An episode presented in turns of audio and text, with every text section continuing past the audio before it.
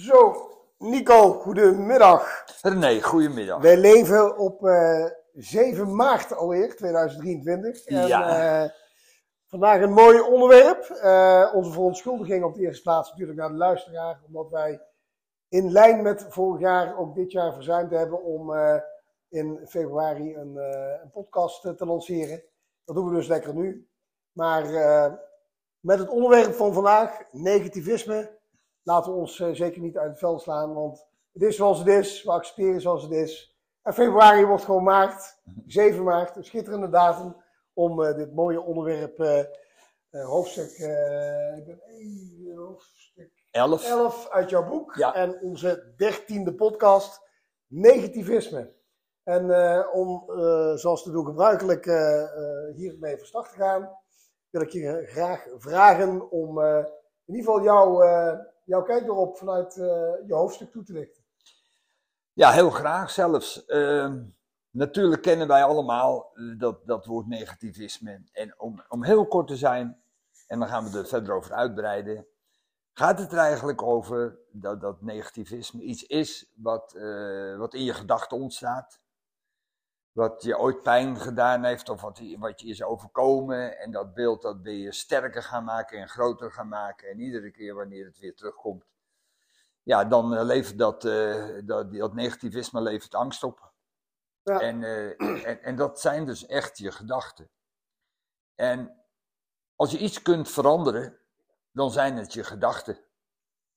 En dat is eigenlijk waar het over gaat. het, het is niet een kwestie van die gedachten de gang laten gaan, maar het is eigenlijk een kwestie van hoe het hele leven in elkaar zit. Er overkomt je iets en dan ga je nadenken van, is het wel zo negatief? Wat probeert het me te vertellen? En eh, snap ik het ook, begrijp ik het ook als ik ervan uitga dat er eigenlijk helemaal geen negativisme bestaat. Nou, en daar, eh, daar is best wel iets over te zeggen. Ja, want als je kijkt naar eh, negativisme, althans, is een mooi hoofdstuk. Ik heb het ook eh, uiteraard eh, gelezen. Eh, ik begrijp ook helemaal wat je zegt. Ik, ik kan me er zelf alleen heel weinig bij voorstellen. Hey, ik ken mij, ik ben niet zo Ja, negatief ja, ingesteld. ja. Klopt. Eh, Is ook zijn charme. af en toe wat lastig misschien, maar ik ben altijd wel positief. Maar ik zie natuurlijk wel een omgeving en ik kom vaak mensen tegen die natuurlijk wel hè, vaak op een of andere manier altijd een negatieve grondhouding hebben. En dan denk je, ja, waar komt dat toch vandaan? Is dat dan die, eh, is dat omdat, ja, je zegt net, hè, eh, het wordt gevormd door, eh, door je gedachten? Of, of is het zo dat dat te maken kan hebben dat mensen misschien een hele negatieve ervaring hebben gehad met iets waardoor ze heel snel ergens in vervallen.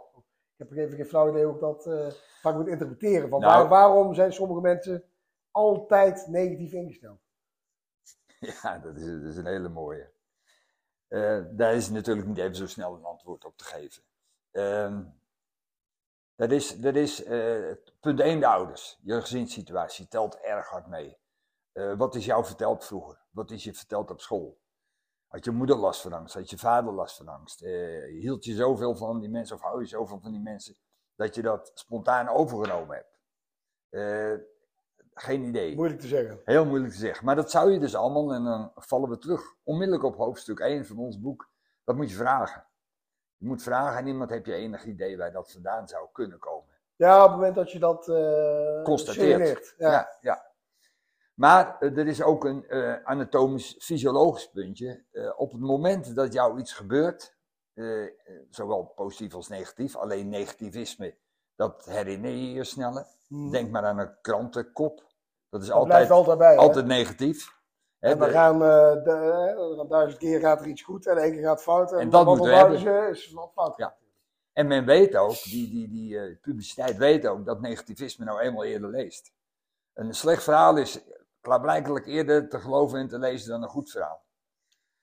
Nou goed, die angst, die, die sla je op. Dus er is je ooit iets gebeurd en het typische van je hele cellen, God weet hoeveel biljoen cellen je lichaam telt, die worden om de zoveel tijd allemaal vernieuwd. En dat zijn eigenlijk allemaal superkleine fabriekjes die keihard werken. En die slaan herinneringen op. Dus de hele cel wordt vernieuwd, maar de herinnering blijft. Ja, dus op het moment dat er maar dit gebeurt, verval je gelijk terug Ja. op je oude... Ja, dan komt die eerste, die eerste eh, verstandssituatie komt terug. En dan, eh, dan eh, ga je hetzelfde handelen als dat je toen deed. En daar zijn ze eigenlijk helemaal nog niet zo gek lang achter. Dat is best een ingewikkelde zaak. Maar op een, eh, ik, ik zat op een gegeven moment bij, eh, ik reed naar de bossen, ik moest iemand trainen. En dat de hartmeter om, dat is al jaren geleden. Sorry. En we kwamen bij een gelijkwaardige kruising en er kwam een auto van rechts. En die Dat hartmeter... voor- voordat ze het kruispunt hadden aangepast. Dan. Precies, voor die tijd, ja. ja. Maar het maakte niet uit of, je nou, of dat kruispunt nou aangepast was of niet. Er kwam een auto van rechts. En die vrouw die, die zijn hartmeter om had, die sloeg in één keer door naar 230, 240.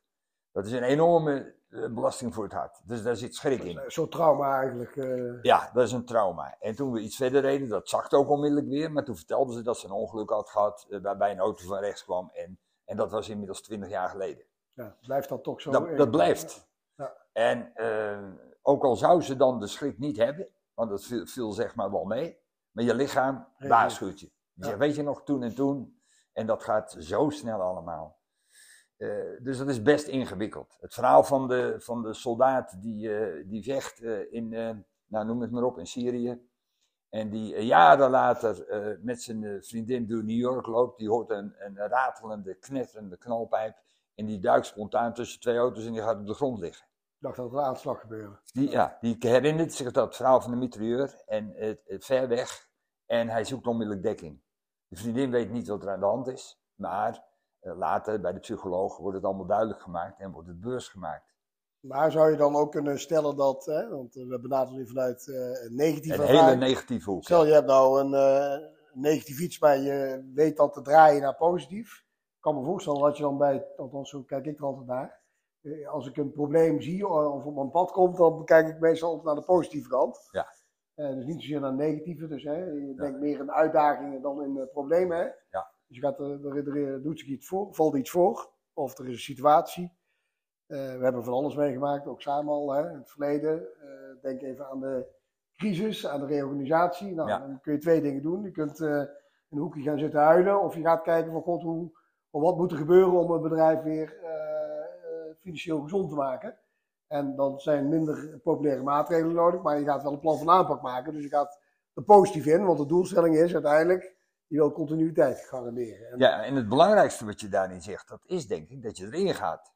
Ja. De, de meeste mensen die angst hebben, die gaan eromheen. ja, die, die lopen er van weg eigenlijk. Ja, en die gaan alleen maar het, het punt waar het over gaat, eh, laten we de vliegtuigreis noemen, die gaan het alleen maar van wat zou er allemaal kunnen gebeuren. Ja. Nou, er kan heel wat gebeuren. Maar waarom zou je daaraan denken? En waarom zou je dat voeden? Ja. Eh, want Terwijl de kans heel eh minimaal vliegen helemaal. eh ja, we hebben je het over vliegtuig dan met de auto gaan. bij wijze van spreken. En ondanks dat ze dat weten allemaal, gaan ze zich. Maar dat is maar een voorbeeld. Zo heb je talloze voorbeelden van, van angst. Wat moet je ermee? En als je dat inderdaad hebt, dan, ja, dan kun je niet zo gek veel meer. De oplossing zit dus in het visualiseren. Dus als jij slecht kan denken en negatief kan denken, kan je dus ook positief denken. Hm. Die, die twee dingen. En om dan het voorval terug te halen. En zoals jij zegt, daar een positieve draai aan te geven. En jezelf eh, niet toestaan om, om je gedachten weg te laten dwalen naar negativisme. Daar ligt een oplossing. Maar het, het gaat natuurlijk nog vele malen verder dan dit. Eh, want anders was het vrij eenvoudig en zijn we klaar. Dit is, dit, is, dit is dus een snelle oplossing. Alleen als je een snelle oplossing wil hebben, dan moet je dus ook begrijpen waar het over gaat. En wij hebben eerder al in onze podcast het gehad over ehm, het ego en het zelf. Ja. En het ego, daar komt die angst vandaan. Want een ego, hè, wat je er allemaal van gemaakt hebt, wat we toen ook gezegd hebben, van Mm. huis uit, van school uit, van eh, hoe, je, hoe je gegroeid bent, Ja, hoe ben je, ja, hoe je ben je uit, gevormd eigenlijk? hè? hoe je uiteindelijk gevormd bent, dat, eh, dat heb je zelf gedaan. En dat, eh, dat is- een zogenaamde zekerheid. En zekerheid betekent angst. Want dan zou je het wel eens kwijt kunnen raken, die zogenaamde zekerheid. Hm. Alleen, die zekerheid bestaat er helemaal niet. Die is er helemaal niet. niet te zeker in leven. Dus. Precies, als je gaat geloven in, in, eh, in het ego, ja, dan geloof je iets wat niet bestaat. Daarom moet het ego zich ook eh, beschermen, moet zich verdedigen, voelt zich heel snel aangevallen. Want op school leer je al, als je dat en dat en dat doet, dan gaat het helemaal goed in je leven. Ja. Maar zo werkt het dus niet. Het, eh, er hoeft maar iets te gebeuren en het zit anders in elkaar. En om dat nou te gaan bedenken, dat is weer een ander hoofdstuk. Maar het, de kracht zit dus in het zelf. Dus het ego, dat, eh, als je daarin gaat geloven, dan geloof je dat je je ego bezit. Want Hmm. mensen willen alles bezitten. Die willen, willen dat vergaden. En, en bezit wil je niet kwijtraken. Ja, dat resulteert dan langs. En dat resulteert in een, in een angst.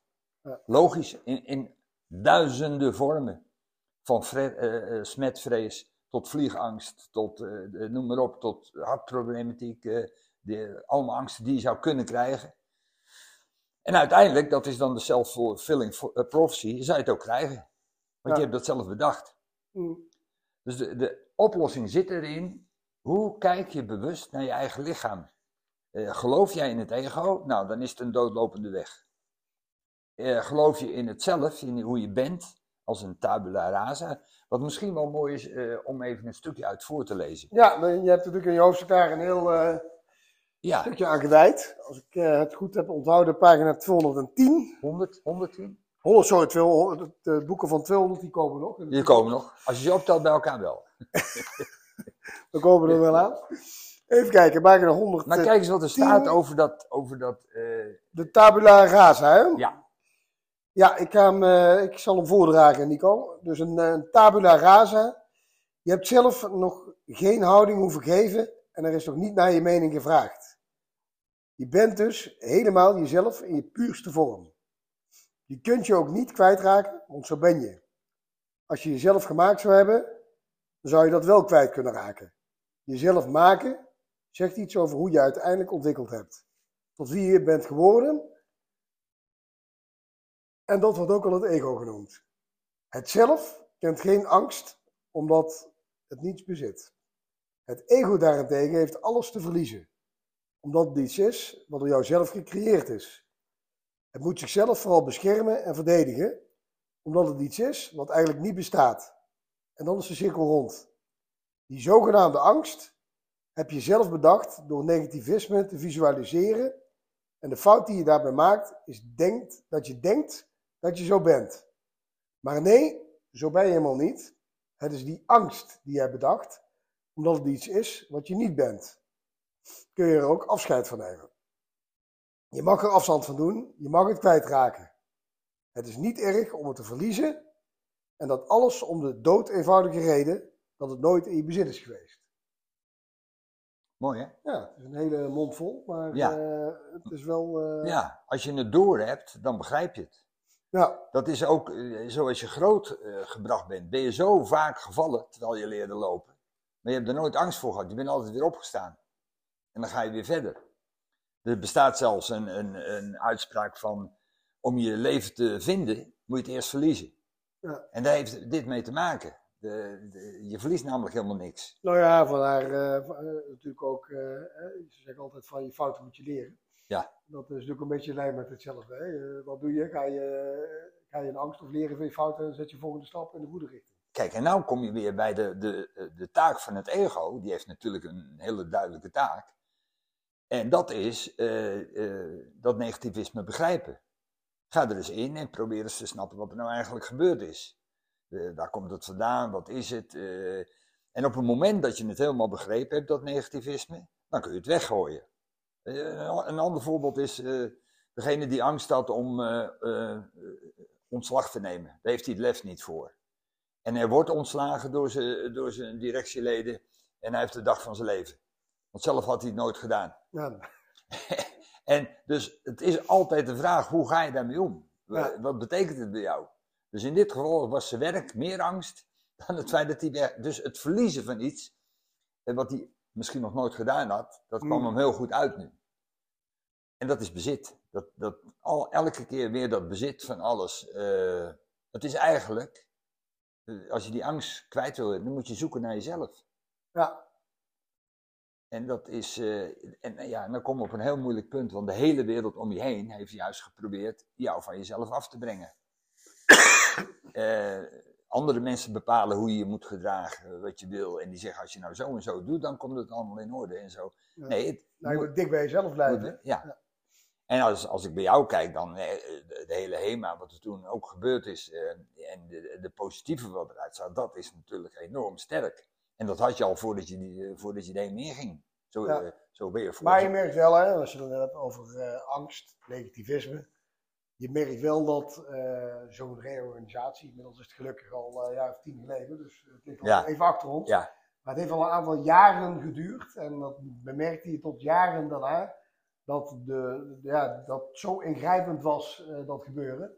Voor heel veel medewerkers die toen eh, wel nog gewoon werkzaam waren. Hè, daar ben je zelf bij geweest. Dat het best wel wat, wat tijd heeft gekost.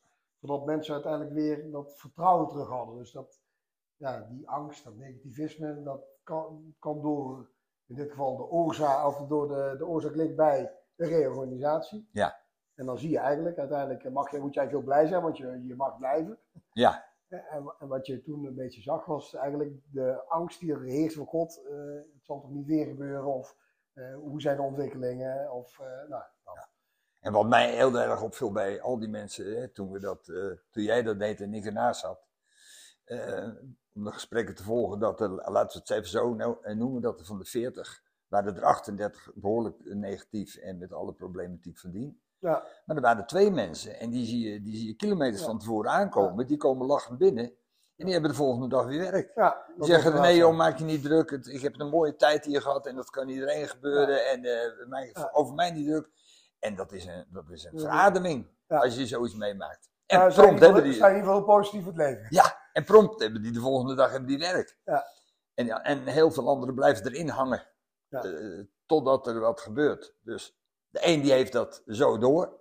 En die is waarschijnlijk ook zo opgevoed en die heeft alles wat meegemaakt. Ja. En, en dan, de- blijft er Jaren in weken, zitten. maanden, jaren in, eh, in hangen. ja, soms zelfs een heel leven. Ja, En dan moet je je voorstellen wat je dan met je, hoe, hoe je het anders had kunnen bekijken. Hoe je, en ik weet wel, dat is makkelijk gezegd.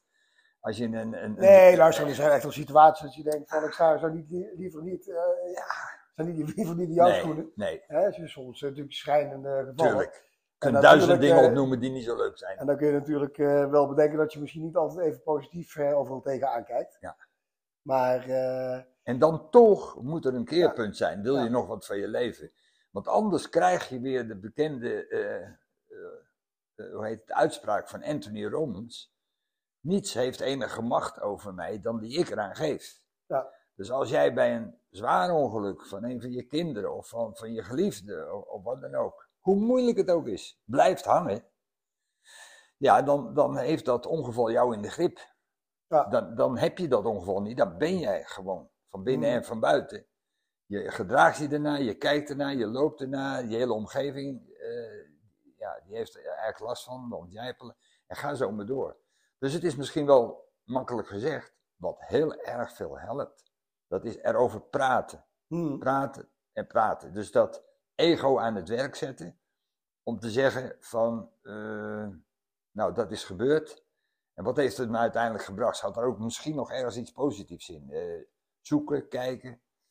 En nogmaals, we, we- en het we blijft- hebben leuk praten, hè, maar En dat blijft een lastig verhaal, hè, want het kan natuurlijk één bepaald onderwerp zijn dat je ergens negatief naar kijkt. Maar je komt natuurlijk ook wel eens mensen tegen die gewoon eh eigenlijk op dag. alles, Ja. al- al- nergens iets positiefs. ja, je hebt ze. Ze bestaan echt. ja, Dus eh, ja, die maar, maken het eh, zichzelf ontzettend moeilijk. Hè. ja, dat denk ik ook altijd. Ja. Dan, ja, je moet Nou, ook, weet je, als je, ik, ik, ken, ik ken ze natuurlijk ook wel. Als je daarmee denkt je een houding te geven, ja, weet je, dan is het wel een trieste manier. Hè? Dan zou Ja. ik zeggen, joh, kies even wat anders, eh, iets, iets Ja. positiever. Nou ja, eh, uiteindelijk moeten de mensen dat zelf gaan doen. En dat is eh, waarom ze jouw boek wel lezen en mijn boek wel of niet lezen. Dat is gewoon, ja, wil je er vanaf? Ja, Wil je anders gaan denken? Nou, dan is de oplossing, die ligt voor de, voor de hand. Het heeft er dus mee te maken dat die, die zekerheid die jij eh, hebt, waar angst uit ontstaat, niets anders is dan een idee. ja, Want die zekerheid bestaat helemaal niet. anders dan refereren we even aan eh, Turkije en aan. eh, Nee, ja, aan die- goed, voorbeeld en, wel. waar- Dus, en, en geen moment in je leven kan je zeggen, nou we hebben die zee, ook bij een vaste baan niet. Want Ja. bij die HEMA toen ook, dat kan fout gaan. Maar ook als je ondernemer bent. kan altijd Kan- iets gebeuren, waardoor, ja. En ook als je helemaal alleen op de wereld bent, dan kan er weer iets gebeuren om je heen. Dat. Ja.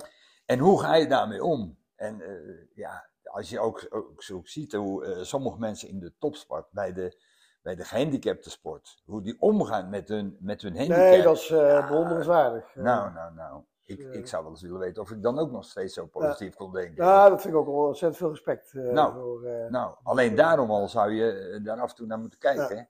hè. Nee, ik bedoel, het kan veel erger. Hè? Dus, het kan altijd erger. dat Altijd. betreft, eh, Dat zei mijn moeder al. Ja. Nou ja, je noemde natuurlijk al even, even eh, Turkije. Of eh, ja, Turkije met, Ja. natuurlijk eh, de aardbeving. En uh, nou, Oekraïne hebben we natuurlijk ook al vaker over gehad. Maar dan hebben we het op zich hier zo slecht niet. Dus kijk nou eens naar wat je wel hebt en wat er om je heen in de wereld allemaal gebeurt. En dan mag je zelf toch van geluk eh, spreken dat je hier in Nederland Ja, woonachtig bent. En dan moet ik eigenlijk verwijzen naar het boek van Edith Eger. De, de dame, die Odin, die, die nu psycholoog is en de hele wereld overgaat. Want dan komt voor mij een interessante vraag naar voren. Eh, als wij het dan zo goed hebben, zoals je schildert, ja, wat doen wij dan Hm. voor, voor de rest? Hoe kunnen wij nou, hè, want als je een team hebt en het gaat er één niet goed in het team, dan Hm. zorgen we met z'n allen voor dat die ene het wel goed gaat, anders hebben we geen lol. Hm. En wat is het, wat is het, het, eh, het negatieve van, van waar wij in zitten? Dat we het zo goed hebben, dat we natuurlijk nooit mogen denken, joh, wij hebben het lekker, prima, laat, Nee, laat de rest eh, maar... eh, Dus er kan ook een risicootje natuurlijk. Hè? Dat, eh, precies. En dat, leunen en, eh, en dat zei die Edith Eger toen ze dus eh, ontsnapt was uit Auschwitz. Van waarom ik wel en al die anderen niet. Die is zo zijn, wat, voor taak heb ik nu? Wat, wat wordt er van mij verwacht? En dan ging het niet alleen over het doorvertellen van wat er allemaal gebeurd is. Maar eh, gewoon, hoe ga je om? Hoe maak je keuzes? Als je in een situatie terechtkomt. hm, Nou, dit gaat ver over angst heen. hm. Dit, dit, dit was dus wel werkelijkheid, wat niemand zich voor kon stellen. Ja. En eh, ja, daar, daar doet ze geweldig werk mee. En, en ik moet je zeggen, wat zij, eh, en dat hebben we net verteld, wat zij als geen ander heeft gedaan, is terug in de problematiek. Zij heeft zelf voor oud-nazi's heeft ze, heeft ze lezingen gehouden. Ja. Met, met de bibbers over de hele lijf. eh, van wat zit ik eigenlijk te doen hier? En toen, hè, zij is teruggeroepen naar eh, de, de plek waar Hitler eh, ja, gewoond Mhm. heeft. En eh, daar heeft ze een lezing gehouden. Ja. En, en nou, voordat dat gebeurde, heeft ze drie kwart jaar erover na moeten denken. Dat geloof ik zo. Ja. En, en dat, dat is, ook toen zij in zo'n wagon zat in, in Auschwitz, dan kwamen daar bezoekers. er zijn natuurlijk elke dag duizenden mensen die daar willen gaan kijken. En die lopen die, die wagon in en zeggen, oh wat verschrikkelijk erg allemaal. En die lopen weer uit. Maar die Edith Eker, die zat er en die heeft drie kwartier gehuild. Ja, we- we- tuurlijk, we- dus eh, Die ziet alles aan zich voorbij komen Ja. weer. En toch komt ze eruit. Toch Ja. zegt ze van, eh, klaar, en ik ga weer door. Ja, ja, ja, knap. Althans. eh, nou, en zo'n boek. Ja, als je iets van angst of dat soort dingen hebt, ja, dan moet je dat boek gaan lezen. ja. Dan, dan, dan moet je eens gaan kijken, hoe heeft Nee, zij het dat kan gedaan? veel extremer en veel. dus waar maak je af en toe druk? Als je Ja. dit soort verhalen ook hoort. Dus, eh, ja, je refereerde hem natuurlijk al even van. eh, of we hadden het eigenlijk eh, voordat we aan de podcast begonnen even over. Van, hoe vertaal je dan negativisme ook? kijken naar uh, begon in evenwicht, naar, Ja. naar je lichaam. Hè? Ja. Zijn natuurlijk veel mensen die hebben vaak overgewicht.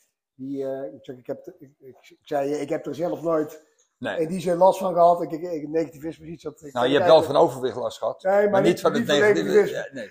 Maar er zijn natuurlijk eh, voldoende voorbeelden van mensen die eh, denken van god, ik kan het niet. Of ik, eh, ja, en dan, en dan zeg ik dan op mijn beurt van het kan dus wel. Want, en dan heeft staat toch vaak met discipline. En hou je dan, in dit geval, ik heb, dat zijn duizenden en één methodes natuurlijk.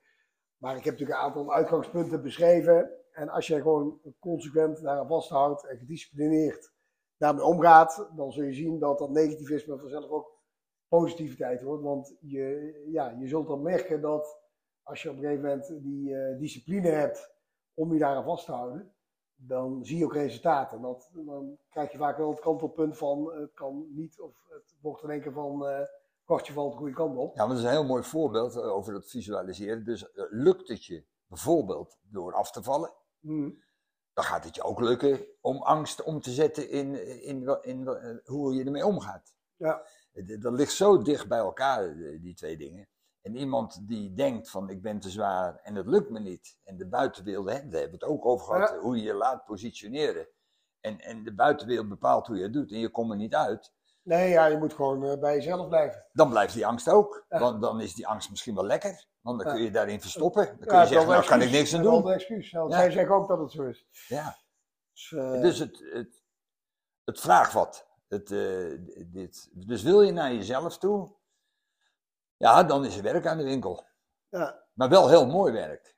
Nou goed, en ik denk juist als je met jezelf aan de slag gaat, en of dat dan is omdat je een angst wil overwinnen of dat je gewicht kwijt wil raken, dat maakt er niet zoveel uit. Op het moment dat je die stip op de horizon zet en weet voor jezelf van oké, wat is de, de weg er naartoe die ik wil bewandelen, en je houdt daar voor jezelf vast, blijf dicht bij jezelf, laat je niet beïnvloeden door anderen, ja, dan zul je volgens mij als zien dat dat negatieve, en of dat negatieve dat het heel zo positief wordt. Ja. Omdat je gewoon voor jezelf een heel duidelijke leidraad en houvast hebt. Ja. Van eh, ja, dit zijn de stappen die ik wil zetten om het doel te bereiken. De, de, de bekende uitspraak van het leven moet voorwaarts geleefd worden en achterwaarts begrepen. Ja. En, eh, en daar zit natuurlijk ook dat negativisme in. En des te meer je erover nadenkt, en dan zijn er zoveel invalshoeken. Je, de, ik, had laatst eh, iemand die had zijn hele leven zijn moeder de schuld ervan gegeven dat zij zo was. Totdat op een gegeven moment dat ze erachter kwam dat ze zei van, eigenlijk is het mijn eigen schuld. Want ik kijk verkeerd naar mijn moeder. En eh, bij, die, bij die simpele omzetting Ja. kreeg ze gewoon kracht en macht. En zei ze, kijk, Ja, nou, nou, nou begin ik pas te leven. Dus die, het, het is inzicht krijgen in iets. Wij, eh, kijk, als mensen bij mij trainen en ook bij jou, dan is het vaak niet meepraten. Als je meepraat, dan, ja, dan kom je niet tot die oplossingen. Dus je moet wel tegen een stootje kunnen. Dat is, Nee, maar goed, ik denk dat het ook goed is, want het zet je op een gegeven moment ook aan denken. Kijk, als je altijd maar ja en amen hoort, dan gebeurt er natuurlijk helemaal niks. ja, dat is ziek, zwak, misselijk. Ja. Dat is het. En nogmaals, wij- in onze podcast zeggen wij niet, joh, eenvoudig klaar. Absoluut niet. Want er zijn dingen die, eh, die kun je niet bedenken. Eh, en dan toch zie je de mensen eruit komen. Ja. En eh, daar hebben we ook voorbeelden zoveel van over, maar die moet je opzoeken. En, die, en niet die dingen waarin je meeloopt. Ja, Dus je moet je eigenlijk, de, de slotconclusie is eigenlijk, je moet je losmaken van het ego. Je moet jezelf durven verliezen, durven vallen. ja ik kwetsbaar opstellen eigenlijk. Hè? Ja. Ook naar jezelf toe. Ja. Ja. En dat hebben we ook gehad, hè? dat is je positioneren. Ja. Laat je zien wie je, hoe mooi je bent. De- eh, ja, fantastisch. Nou, eh, ik denk dat het een hele mooie slotzin is, eh, Nico. Je losmaken van het ego. En ik denk, ja, we kunnen hier natuurlijk nog urenlang over blijven doorpraten. Ja. En heel veel boeken zijn hierover geschreven. Ik heb er tien bladzijden over geschreven in een hoofdstuk. In, in het boek van eh, In gesprek met jezelf. En eh, daar kan je nogmaals eh, vele boeken over schrijven. Maar je moet de clue snappen. Wat er aan de hand is. Ja. En, en dan kun je het. Ik, ben, ik was even aan het zoeken naar ons volgende hoofdstuk, Nico. Oké, zal, Maar ik, ik, zal ik eens voor je kijken? Ik kon het even niet vinden. Oh, wacht wel. hoofdstuk 12 zitten we Hoofdstuk al, hè? 12. En hoofdstuk 12 gaat over de aanname. Nou, Nou, geluk voor de luisteraar is dat het ons deze maand wel gaat lukken om dat eh, gewoon eh, keurig eh, in de maand te publiceren. Dus dat betekent dat wij, denk hiermee, onze februari-podcast in maart afsluiten. en je moet ook nog even iets vertellen over dat zogenaamde negativisme, wat dus niet bestaat. Ja. Dat onze vorige podcast is technisch iets Oh ja, want natuurlijk een, ja, we kwamen er inderdaad achter. En de, de luisteraar die de podcast eh, gehoord heeft, zal dat ook opgemerkt hebben. Dat er blijkbaar iets niet helemaal goed is gegaan met onze opname, waardoor Nico zeer luid te verstaan was, afgelopen podcast. En ik in iets mindere mate. Ja. Maar goed, dan kun je twee dingen doen. Je daar enorm druk over maken. Negatieve gedachten opvormen. eh, eh, eh, denken van, oh, wat is er allemaal fout gegaan? Nou, dat hebben we dus niet gedaan. Eh, luister, vandaag is weer een nieuwe podcast. Nieuwe ronde, nieuwe kansen. We gaan ervan uit dat de opname nu wel goed is. We hebben hem net even proefgedraaid. Negativisme. eh, ik denk eh, voldoende Uh, mooie beschreven in jouw hoofdstuk, Nico. Dus zeker over de luisteraar aanbevelen waard om dat hoofdstuk eens te lezen. En ik kan me weer voorstellen dat dit herinneringen oproept, vragen oproept. Ja, en stel ze ook vooral. Het gebeurt steeds meer, laat horen. We kunnen ze niet altijd allemaal behandelen, omdat ze best... Vaak een beetje te persoonlijk zijn ook. Ja.